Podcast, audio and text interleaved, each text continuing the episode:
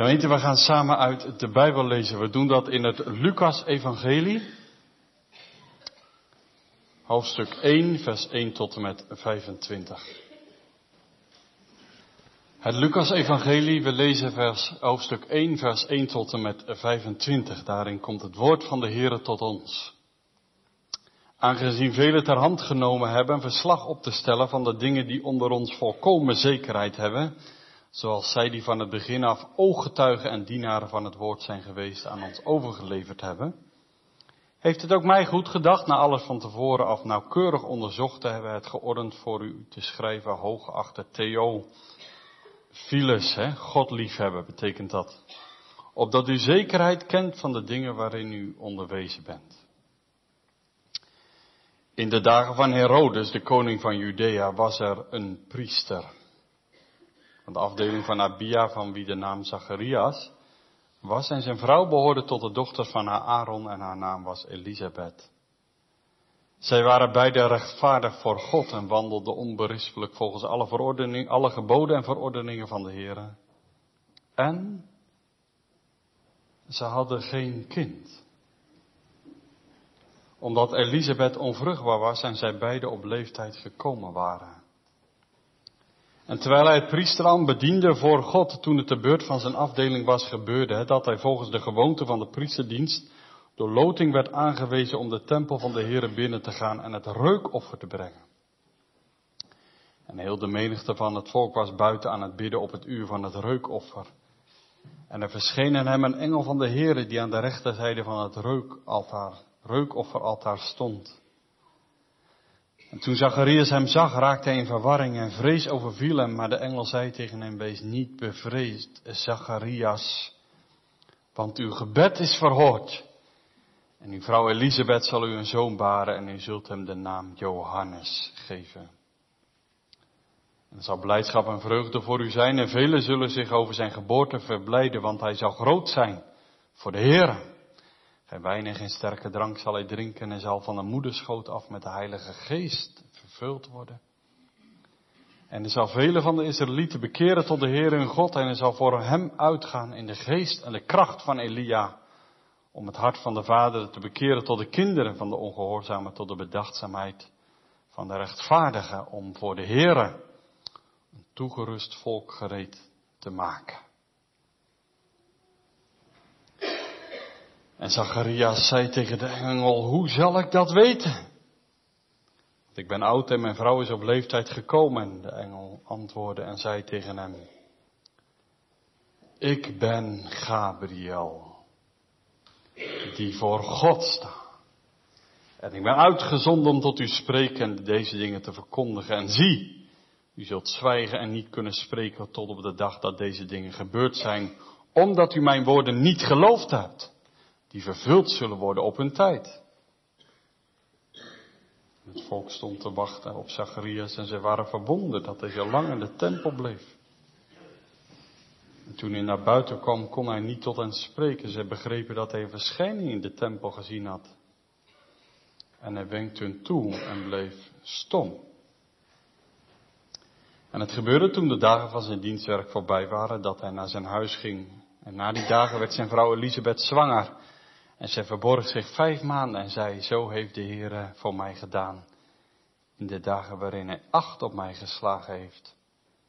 Om mijn smaad onder de mensen weg te nemen. Tot zover de lezing uit het woord van de Heer. Zalig is hij die het woord van God hoort en in zijn hart bewaart. We gaan straks in de verkondiging nadenken over een wat toegespitst thema. Het raadsel van onverhoorde gebeden. Naar aanleiding van uh, vers 13, waarin de engel Gabriel zegt tegen Zacharias, Wees niet bevreesd, Zacharias, want uw gebed is verhoord. Misschien heb je dat ook wel. Dat je het idee hebt dat bidden geen enkele zin meer heeft. Je hebt al duizend keer gebeden voor iets en de hemel lijkt potdicht. Bidden heeft geen zin, toch? En omdat het geen zin lijkt te hebben, ben je er maar voorzichtig aan mee gestopt of het is afgezakt. Hooguit mompel je nog wat. Wat, uh, nou ja, wat zinnetjes die je toch al ooit geleerd had. Maar je voelt in je hart het gebed is verstomd. En ongeloof heeft de plek van het geloven ingenomen. En dan advent, kerst, wat heb je eigenlijk te vieren? Als God toch niet luistert. Stil blijft uit de hemel. Hij zegt iemand, dominee, je bent nog niet eens aan het preken, je begint al te vloeken in de kerk. Toch is het goed dat je er bent vanmorgen. Want iedereen heeft wel iets. Zoals iemand zei, voor dat ene gebed wat ik al duizend keer gebeden heb, wil ik al mijn andere verhoringen inleveren. Maar God lijkt niet te willen horen.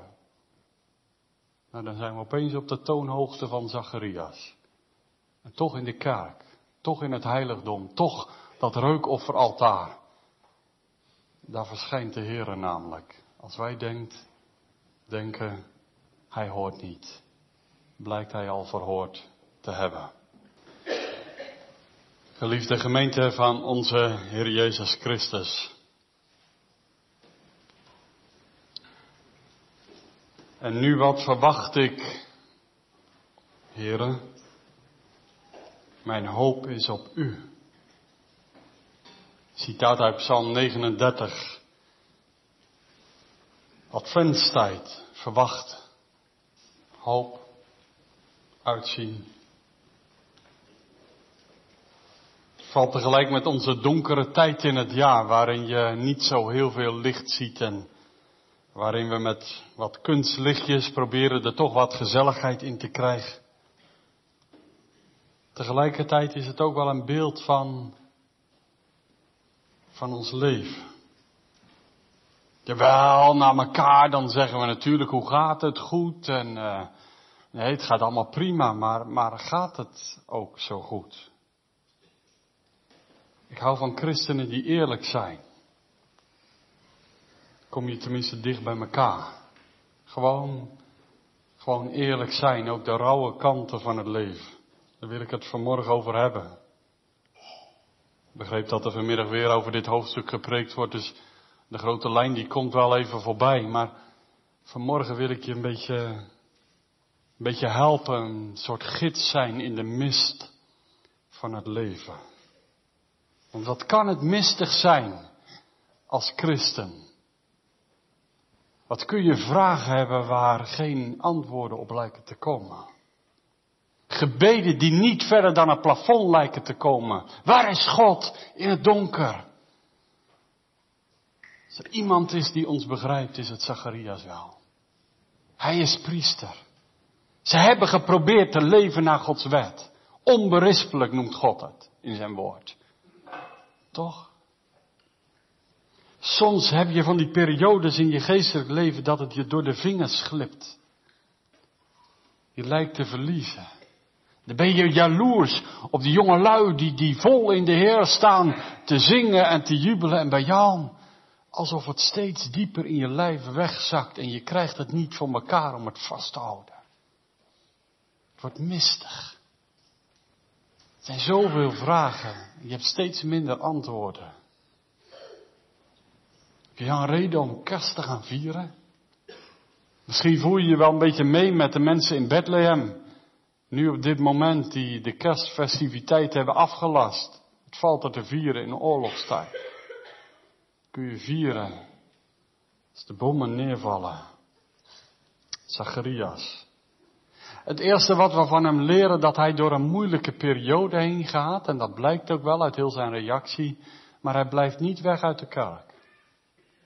Hij blijft komen. Als hij een Nederlander was geweest, was hij al lang een eigen huisgemeente begonnen. Natuurlijk, we, zijn niet businessmensen, we starten zo voor onszelf. Daar staan we wereldwijd om berucht. Ook in de kerk. En zeker als we het op één punt niet eens zijn, dan beginnen we gewoon weer voor onszelf. Dat doet Zacharias niet. Hoewel, hij heeft wel heel veel reden om weg te blijven bij de tempel, want Jezus noemt het later een moordenaarskuil. Toch blijft Zacharias komen.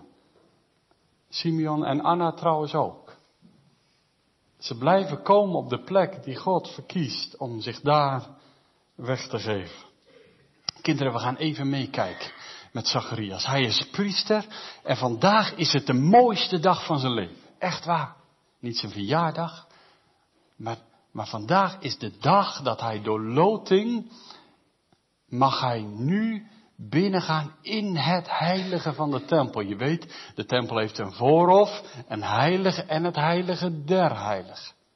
In die laatste ruimte, daar zit een dik gordijn voor, daar mag de hoge priester één keer per jaar met een schaal bloed naar binnen. En in het heilige mogen de priesters ombeurten, en er zijn heel veel priesters, en, en, je mag één keer in je leven, uiteindelijk kun je dan in dat heilige komen. En dan heb je ook nog het gewone werk, dat vindt plaats op de voorhof. Daar staat het grote brandofferaltaar, waar de offers gebracht worden en allerlei klusjes gedaan moeten worden. Maar iedere priester kijkt uit naar het moment dat hij dat heilige binnen mag gaan. Daar waar de gouden kandelaar staat en de tafel van de toonbroden. Ja. En daar vlak bij dat gordijn naar het heilige der heiligen staat een heel klein altaartje. Het is zo breed en zo diep en, ongeveer zo hoog. Zo. Met vier horens. En één keer per jaar op de grote verzoendag wordt dat altaar geheiligd. En daar wil Zacharias naartoe. Je zou kunnen zeggen, hij mag daar gaan offeren. Nee, geen dieren, de Heer heeft heel nadrukkelijk bevolen dat op dit altaartje alleen kruiden geofferd mogen worden. Nou, dat is goed. We zien Zacharias gaan en hij gaat binnen en neemt zijn tasje mee, heeft een aansteker meegenomen om een vuurtje daar. Nee! Nee, dat niet! Want dat hebben ooit zijn voorouders, of in ieder geval uit zijn familie, Nadab en Abihu geprobeerd. Die waren zo vol in de geest ja, zo zouden ze dat tegenwoordig zeggen. Ze waren zo vol in de Heer dat ze wel op een eigen manier God dachten te kunnen dienen. Ze hadden hun eigen aanstekertje meegenomen en ze hebben het niet overleefd. Want je moet weten dat als je bij God komt, dat je niet zo binnen kan stuiven op je eigen manier. Dat God nadrukkelijk bepaald heeft, ik ben uitsluitend te benaderen op de manier via het brandofferaltaar. Ja, daar zit veel meer in dan je denkt hoor. Kijk maar even bij die Zacharias. Als hij, hij, hij wil naar het wier ook altijd, maar hij moet eerst naar het brandofferaltaar. Natuurlijk heeft hij zich gewassen en opgefrist. Hè. Je begint niet zomaar aan je taak aan de tempel. En toch moet hij daar schoongeboend worden. Er blijken nog allerlei spatten aan Zacharias te zitten die eraf moeten. Zo nader je niet tot God, Zacharias. Ook al word jij onberispelijk genoemd, zo kun je niet bij hem komen. Hij wordt schoon gewassen, ritueel gereinigd. En dan krijgt hij een schaal in de hand. En dan mag hij alleen met de kolen van het brandofferaltaar, die mogen alleen binnen in het heilige. En weet je wat dat betekent, gemeente? We weten dat dat brandofferaltaar verwijst naar de Heer Jezus. Hè? Dus alleen op grond van de gekruisigde naderen we tot de Vader. Dat is bidden. En als we dan beginnen te bidden, het wierookaltaar is het gebed, ga ik zo meteen nog laten zien. Dan strooien we onze gebeden op de gekruisigde. Dat is bidden. Kinderen, jullie weten wel hè, dat als je aan het bidden bent, dat jullie altijd aan het eind, tenminste dat heb je als goed is geleerd, aan het eind van je gebed zegt om Jezus wil, amen. Dat is altijd heel mooi, moet je niet vergeten. Toch wil ik je vanmorgen iets erbij leren. Want soms hangt dat er ook eventjes een beetje bij. Hè? Dan, dan, dan ben je aan je einde gebed en doen we dat er nog even achteraan. Maar begrijp je dat je alleen op grond van het offer van de Heer Jezus mag bidden? Dus ik zou eigenlijk liever hebben dat je zoiets zegt van, Hemelse Vader, alleen op het grond van het werk en het offer van Jezus Christus durf ik het aan om bij u te komen. Hoor mij alsjeblieft, Hemelse Vader, om Jezus wil. En begin dan je gebed maar. Dan besef je even waar het om gaat in bidden. En dat we niet zo eventjes als met Sinterklaas of met kerst of wat dan ook een verlanglijstje aanleveren en zeggen, hier is het, dit wil ik hebben. Zo werkt bidden niet. Misschien hebben we last van heel veel onverhoorde gebeden, omdat we geen idee hebben wat bidden is. Zacharias moet het leren. En wij ook. Op grond van het volbrachte werk de kruiden van het gebed werpen op de gekruisigde. Gemeente bidden is de Vader aanklampen in de naam van Jezus. Red mij, help mij. Ja, zegt iemand, u zei net even in een tussenzinnetje dat dat reukofferaltaar en het gebed helemaal bij elkaar horen. Is dat niet een beetje inlegkunde? Als het inlegkunde is, doet de Bijbel het. En ik ga u dat laten zien. Heel eenvoudig. Psalm 141 zegt David dit. Heer, ik roep u aan, kom spoedig tot mij, neem mijn gestem ter horen wanneer ik roep. Laat mijn gebed als reukwerk voor uw aangezicht staan. Laat mijn opgeheven handen als het avondoffer zijn. En aan het eind van de preek laat ik zien dat dat in de hemel nog steeds zo is. Reukwerk en gebed. Ja, gemeente, bidden. Bidden is het allermooiste wat je kan doen. En het allermoeilijkste. Ja, ik, ik put maar even ook een beetje uit mijn eigen leven. Het is raadselachtig, dat gebed. Je kan er naar uitzien en er tegenop zien. En soms wil je bidden en dan lukt het helemaal niet om te bidden. Ik heb dat regelmatig. Dan probeer ik te bidden, maar met goed fatsoen dan ben ik halverwege alweer met een, na een paar minuten met mijn gedachten overal en nergens. Behalve bij mijn gebed. Soms is het zo weerzinwekkend dat ik opspring van mijn knieën en dan zeg ik, Heere God, dit ging nergens over. Ik kom straks weer terug. Herken je het? Bidden is heel ingewikkeld. Jawel, een heel lijstje dingen oplepelen, dat, dat gaat nogal. Hè? Al je wensen droppen, als vuurpijlen omhoog schieten, ja, dat gaan we. Maar is dat bidden? Heb je dan echt contact gehad met de Almachtige? Misschien herken je dat wel, dan probeer stil te worden voor God, maar het wordt niet stil in je hart. En wat moet je dan doen? Ik heb daar lang mee geworsteld zelf, totdat ik ontdekte dat Jezus ons een programma geeft. Wat deed Jezus als hij echt wilde schuilen bij de Vader? Hij ging de berg op. Was hij zomaar een nacht weg?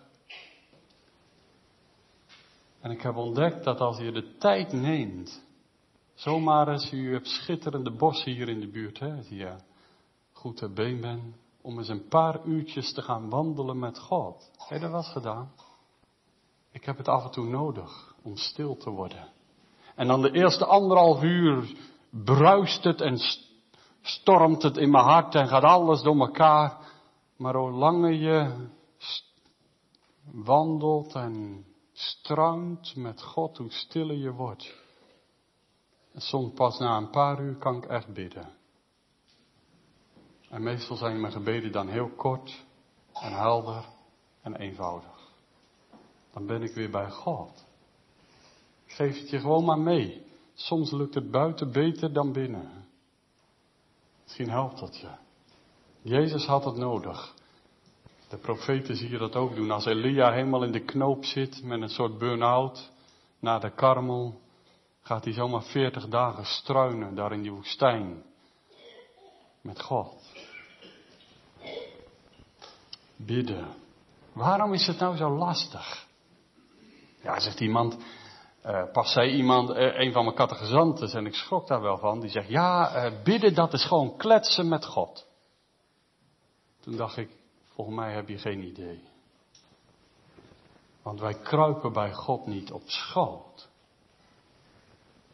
Eh, eh, het is niet een gesprek met een vriend. Waar je een beetje kan onderhandelen en kijken, kom ik goed over. En... Maar, maar bidden is rijken naar, naar de God van hemel en aarde, die we op geen enkele manier in de vingers hebben. Die we meestal niet begrijpen. En we hebben geen macht over hem. Hij is God en wij zijn het niet. En, en, we hebben gewoon een diep geworteld verlangen om God aan ons te binden. Dat zie je bij alle afgoden. Dat is tenminste een, beeld wat wij maken, wat wij kunnen sjouwen en wat wij kunnen neerzetten waar wij willen. De God van onze eigen gedachten. Dat doen we soms ook als we bidden, hè? Dan, uh, dan ben je aan het bidden en ondertussen ben je al bezig met de verhoring van je eigen gebed. Je bent niet aan het bidden, maar je bent God aan het dicteren wat hij moet doen. Zo moet u verhoren. En zo bent u mijn God en zo aanvaard ik u.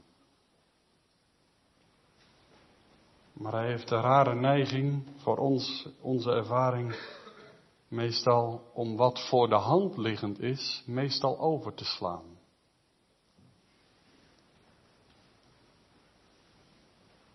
En te doen wat onmogelijk is. Gemeente bidden is offeren. Er gaat altijd wat vanaf. Je dat wel eens in de gaten gehad, dat, je bij een offer altijd iets verliest? Ja, ik weet, het is, het is niet makkelijk, maar het is wel eerlijk. De confrontatie met het offer van de Heer Jezus leert ons ons leven ook als een offer af te leggen, ons kruis op ons te nemen. Maar waarom vinden we het zo lastig om te bidden? Omdat we diep van binnen wel weten dat God zich niet houdt aan onze verwachtingen. En dat Hij een tijdspad heeft wat extreem lang is voor ons doen. Kijk, duizend jaren zijn voor Hem als één dag, maar voor ons is het alsof het de eeuwigheid is. Hij heeft de neiging om zijn goddelijke plan te gaan en die strookt niet met onze verwachtingen en ook niet met onze gebeden. Dat is bidden. Misschien, misschien gemeente moeten we eens stoppen met onze lijstjes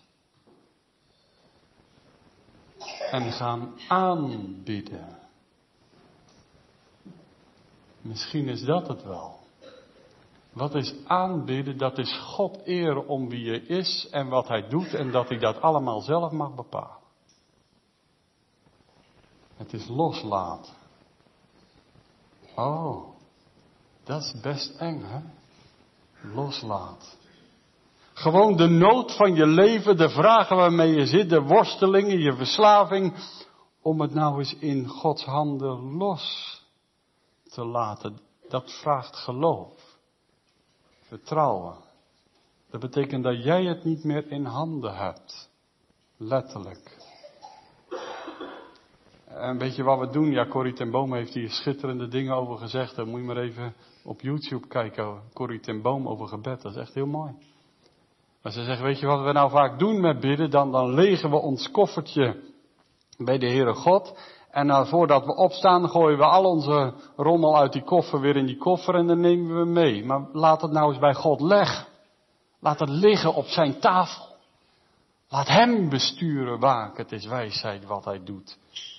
Hij zal het alles maken dat gij u verwonderen moet. Bidden. Zacharias die volgen we nog even in die tempel, daar komt hij binnen. Je zou kunnen zeggen, het is de meest onwaardige priester in het heilige van de tempel. Vol ongeloof. En toch, hij is daar. Hij is op de plek waar de dingen ook opgelost worden. Misschien heb ik je wel eens verteld, maar uh, zo is het ook met dat avondmaal natuurlijk. Hè? Als je moet gaan wachten totdat jij een waardige avondmaalganger bent, kun je beter maar niet komen.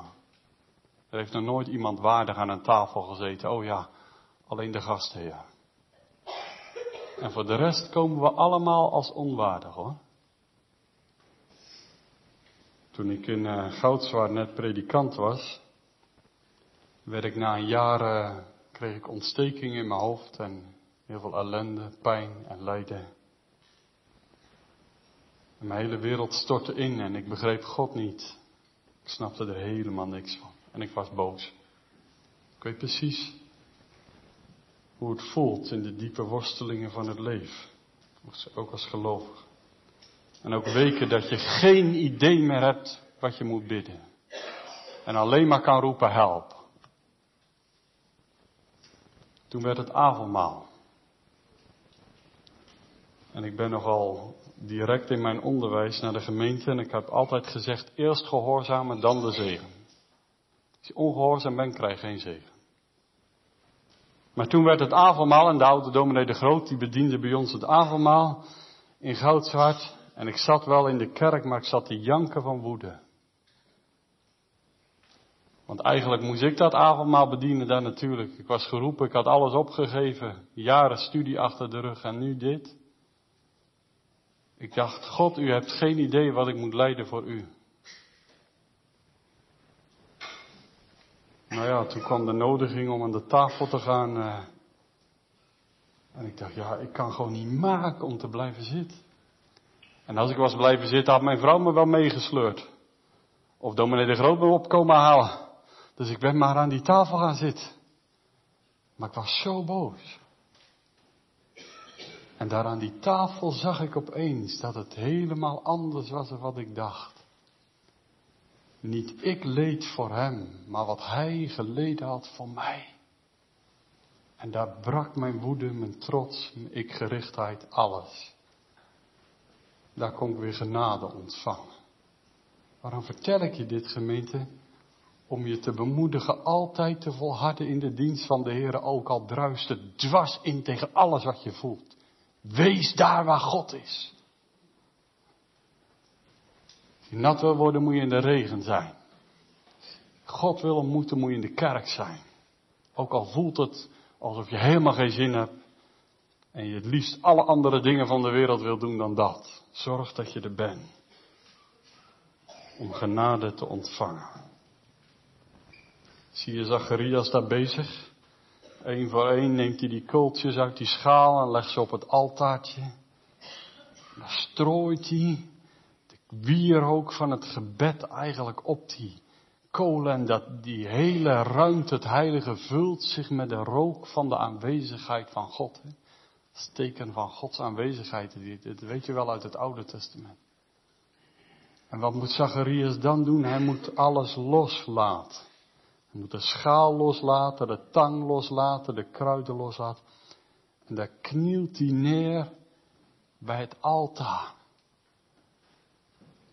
Het is lang geleden dat je dat gedaan hebt. De plek waar er gewoon niemand meer is en alleen jij met God, God, met jou. Kun je er tegenaan hikken, terwijl je weet dat dat de oplossing voor, voor al je vragen is. En toch is het altijd een drempel. Je pakt veel makkelijker even je telefoon of je tablet of de computer om al het nieuws van deze wereld en nog meer prikkels en nog meer prikkels. Terwijl je weet dat prikkels niet opgelost worden met prikkels, maar maar je bij God moet zijn in de stilte. Alsof we die niet meer kunnen vinden in onze tijd. Gewoon stil zijn. Luister. Dat is bidden. Diederik Bonheuven zegt ergens, als je heel veel aan het woord bent in je gebed, heb je grote kans dat je tegen jezelf aan het praten bent in plaats van tegen God. Het raakte me die zin. Toen dacht ik, je hebt gelijk. Wat zijn nou de meest intense gebeden? Meestal zijn dat de gebeden zonder woorden. Kan dat dan? Ja. Zoals geliefden elkaar begrijpen, zonder woorden, één blik is genoeg. Hoe dichter je bij God komt, gemeente, hoe minder je te zeggen hebt. Johannes, Johannes heeft dat ervaren toen hij de verhoogde Jezus ontmoette, lag hij als dood aan zijn voeten. En dan die rechterhand. Ben de eerste en de laatste, ik heb het in mijn hand. Zie je Zacharias neerknielen daar bij het altaar en ja, het is bijna kerst, hè. Ik kan het gewoon niet laten. Als ik daar Zacharias zo zie worstelen met God, daar bij het altaar, dan zie ik door Zacharias al een andere. De zoon van God, die andere, die hoge priester daar in de hof van Gethsemane. Hij nadert ook tot God en hij deinst ook terug. Vader, als het mogelijk is, laat deze beker aan mij voorbij gaan. Zie je wel dat dicht bij God leven niet betekent dat al jouw vragen voorbij zijn? En je problemen opgelost, maar je hebt wel een vader. Dat is het geheim van het gebed. Je hebt een bron om je vast te klampen. Een God die je redt. Zo is de Heer Jezus de dood ingegaan, biddend en schreeuwend om God. En zo is hij opgestaan in een nieuw leven en als hoge priester, onthoud dit, als hoge priester bidt hij ons door het leven heen. Mijn lieve kind, toen het moeilijk was, toen heb ik jou gedragen. Nee, dat zie je niet, gemeente, dat zie je niet als je vooruit leeft. Als je vooruit kijkt, lijkt het alsof God zich niks aantrekt soms van je gebed. Maar mag je vanmorgen even uitnodigen om achteruit te kijken? Kijk eens terug. Kijk gewoon eens de jaren van je leven terug. En waar je 20, 30, 40 jaar geleden om worstelde, hoe heeft zijn hand het geleid? Was er niet op iedere kruispunt van je leven zijn vaderlijke hand die je leidde, die je stuurde, die mensen op je pad bracht, die... Daar word je verbijsterd stil van. Ik wel. O God, ik dacht dat u er niet was. Ik dacht dat u zich verstopte, dat ik het allemaal alleen uit moest zoeken. Maar u was daar en u droeg me, zonder dat ik het in de gaten had. Kijk eens naar Zacharias. Hij kijkt op van zijn plek waar hij ligt te bidden om de Messias, dat moest de priester daar doen. En dan staat er niet de eerste en de beste naast hem, maar Gabriel.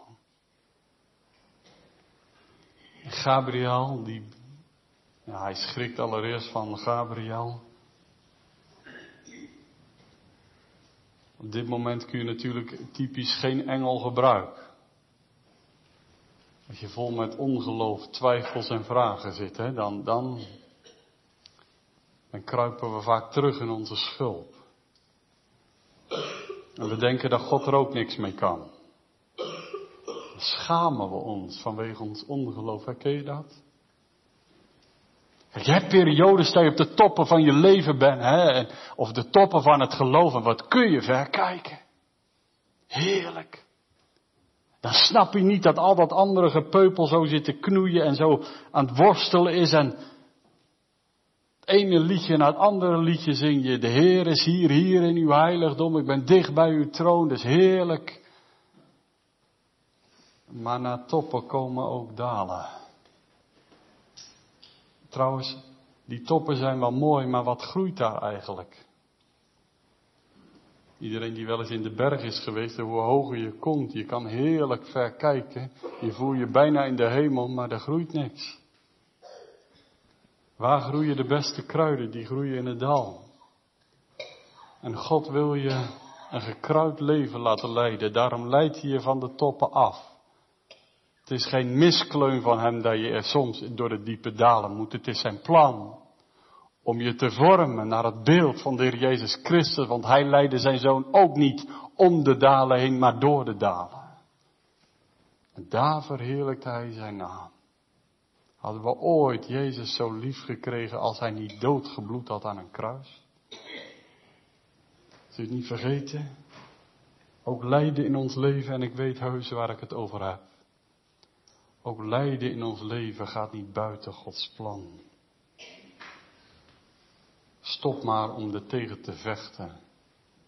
En bid om kracht en genade. Ja, maar zegt iemand, u zou het hebben over onverhoorde gebeden. Ja, dat ga ik nu doen. Want dat vinden we het geheim vinden we in deze tekst. Kijk maar eens even mee wat, wat die engel tegen Zacharias zegt. En de engel zei tegen hem, wees niet bevreesd, Zacharias, want uw gebed is verhoord. Wacht eens even. Hier in de grondtekst staat er iets heel, heel moois en dat kun je niet vertalen, maar ik ga het u uitleggen. Er staat, uw gebed is in het verleden gehoord en in het verleden verhoord. Oké, dus op het moment dat Zacharias samen met Elisabeth bad om een kind, heeft de hemelse vader gezegd, jij krijgt een kind. Alleen het duurde even voordat de boodschapper aankwam om hem dat ook duidelijk te maken. Inmiddels zijn ze 30, 40 jaar verder. Is dat bijbels? Had Daniel het toevallig ook niet? Daniel 9 en 10.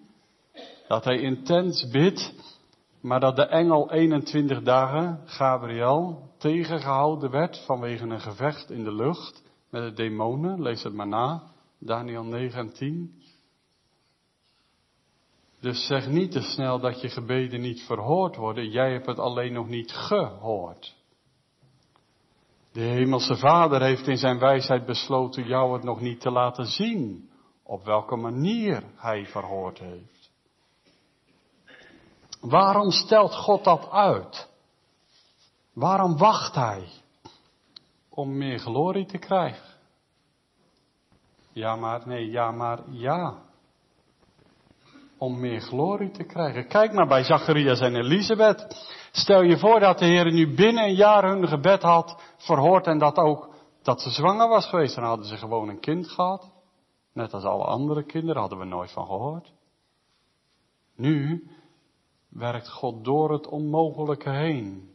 En dat is zijn patroon. Hij gaat altijd door een nulpunt heen, zodat je al je hoop en je verwachting alleen op God is.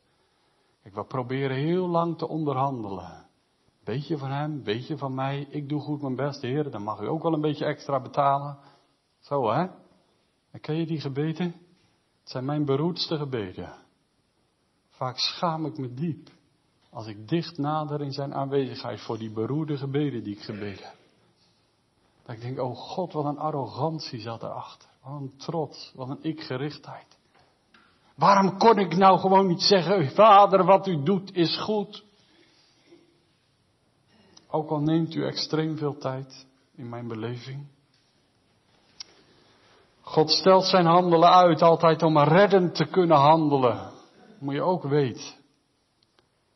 Ze kregen niet een gewoon kind, maar Johannes de Doper, waarvan Jezus zegt niemand onder de vrouwen geboren is groter dan Johannes de Doper.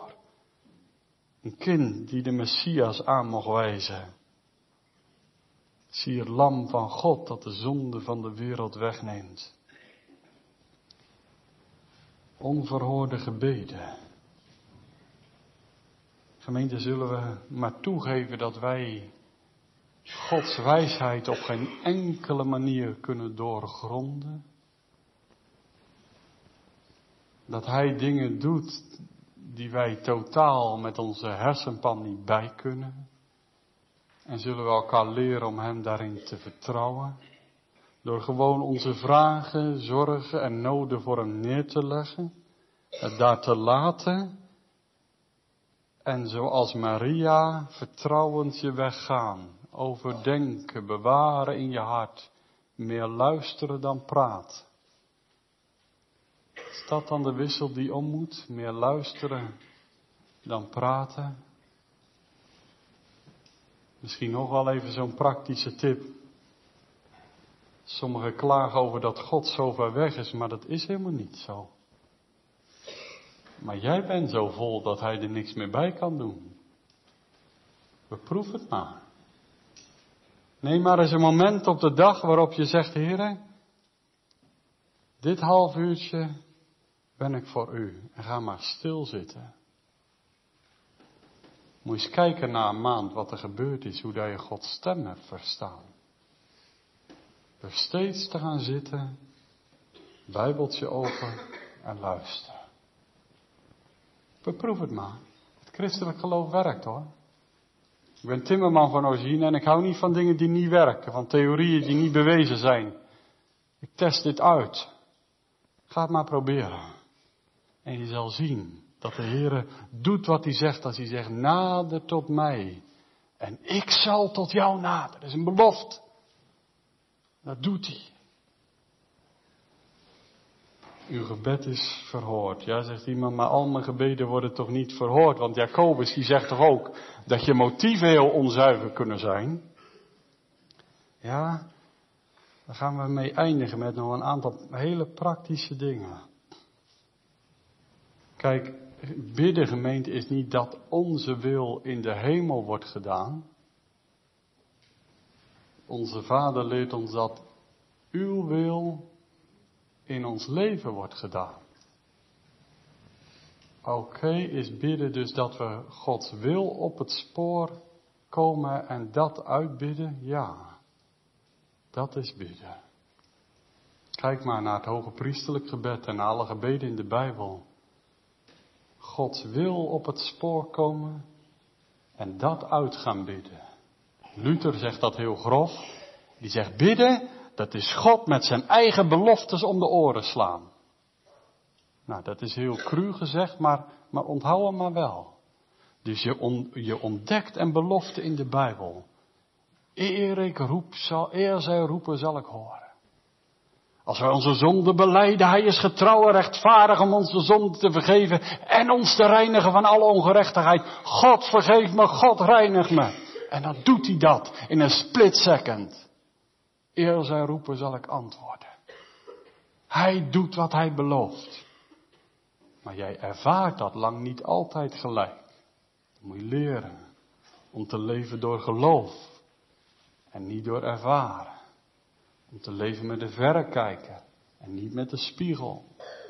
De spiegel laat je zien waar jij op dat moment bent en de verrekijker laat je zien wie God is en wat Hij doet.